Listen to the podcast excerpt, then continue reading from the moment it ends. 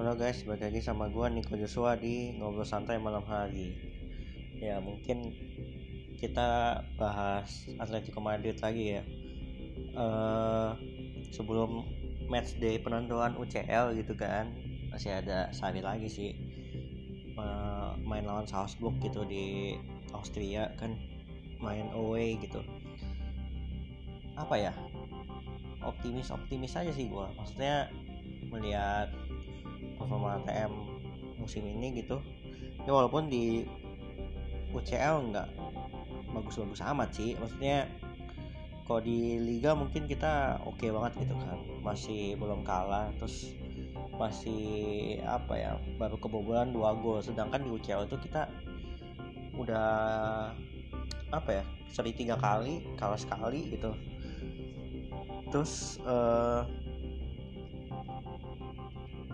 tiga kali. Kalah sekali menang sekali. Dua. Empat dua. Ya pokoknya pokoknya kita udah kalah beberapa kali tuh ya. Lawan Bayern kita kalah. Lawan Salzburg menang. Lawan Lokomotif seri Bayern seri. Ya benar. Uh, kalah dua kali. Menang sekali. Kalah sekali. Ya. Seri seri seri seri seri dua kali kalah sekali menang sekali. Begitu bapak. Aduh gila. Lupa lupa maklum maklum ya pokoknya gitu deh. Nah apa ya?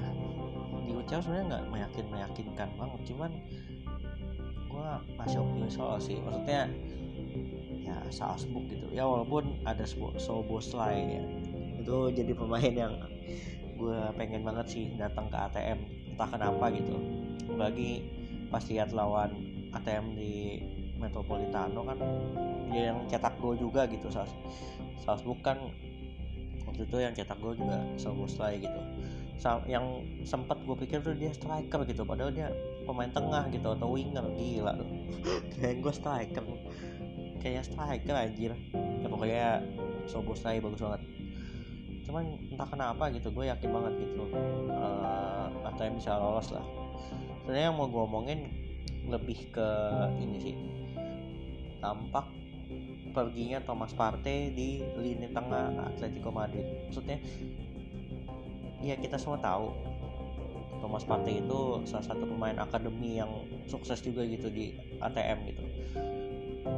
Uh, semenjak dipromosiin ya dia bener-bener apa ya salah satu yang dapat kesempatan dan bisa menunjukkan itu gitu ke Simeone makanya dia akhir-akhir sebelum dia pindah juga dia kan pemain inti kan gitu.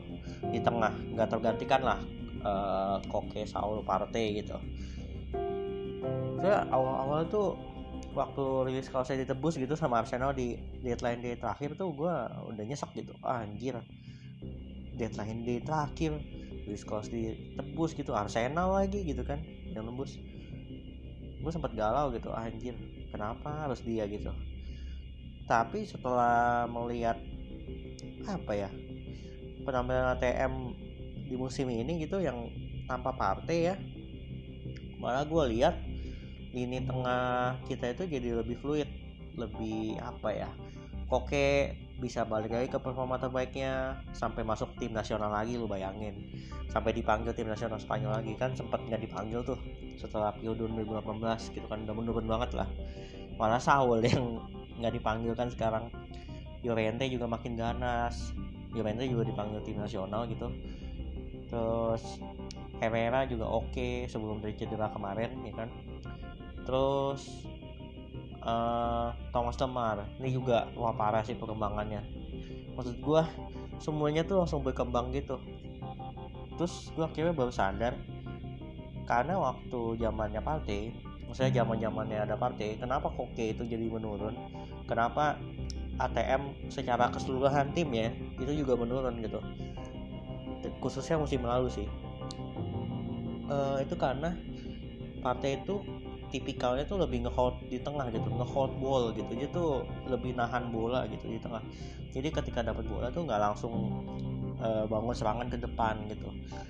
Dia lebih tipe tipikal yang nahan-nahan aja gitu nahan bola gitu. Makanya nggak fluid kan tengah kita terus juga lini tengah sama lini depan kita jadi nggak nggak ke connect gitu. Jadi kayak menurut gue ya justru partai itulah penyebabnya gitu. Karena setelah nggak ada partai ini ya kita jadi lebih apa ya lebih cair aja gitu di tengah. Kayak aliran bolanya lebih lancar lebih fluid mainnya lebih lebih cair gitu. Jadi kayak ya lebih lebih efektif juga tuh sama lebih cepet gitu. Kayak lebih agresif juga kesannya nggak nggak nggak apa ya nggak cuma nahan nahan nahan nahan gitu. Kan kalau zamannya partai kayak gitu kan kita dapat bola pun kita oper lagi ke belakang oper lagi ke ke depan belakang lagi depan lagi. Ya bolak balik aja terus gitu. Tapi ya pokoknya sebenarnya ada hikmahnya juga gitu partai pindah gitu. Jadi kayak malah lebih banyak hikmahnya menurut gue jadi ya gue udah gak galau lagi sama kepindahannya partai ke Arsenal gitu. Jadi kayak ya udahlah ya nikmatin lah. Berjuang keluar dari jalur championship. Iya iya iya iya. Ya pokoknya berarti kan sebenarnya nggak nggak milih juga kan. Itu kan release cost dibayar gitu. Mau apa gitu. Uh. ya pokoknya.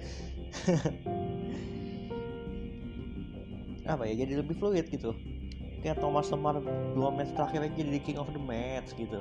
Itu pemain yang dua musim terakhir tuh nggak ada apa ya musim lalu itu nggak ada asis nggak ada gol gitu. Tapi musim ini benar-benar luar biasa gitu.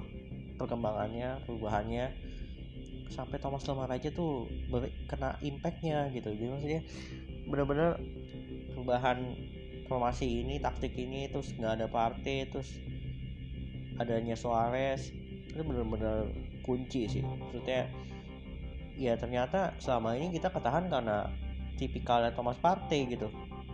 Koke pun juga dulu kan zaman dulu waktu ada Partey kan kayak cuma apa lari ke depan ngambil bola ke, uh, ke belakang ke lari lagi gitu. Maksudnya kagak kagak kelihatan visinya Koke. Tapi sekarang semenjak nggak ada partai gitu Koke bener-bener jadi apa ya?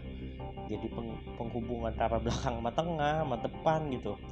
Ya penghubung bener-bener penghubung gitu box to box. Dia kayak ya pokoknya langsung kelihatan lah impactnya gitu berubah perubahannya pas nggak ada partai dan tanpa partai itu bener-bener kerasa banget gitu ya sebenarnya cuman itu aja sih intinya. Ya hidup mati nih lawan, uh, lawan Salzburg gitu tapi gue rasa bisa sih. Yang nggak sampai nggak lolos juga gila juga sih main di Europa League lagi gitu. Karena ya sayang aja gitu kita lagi performanya bagus gitu di liga masa kita di liga champion melempem gitu kan.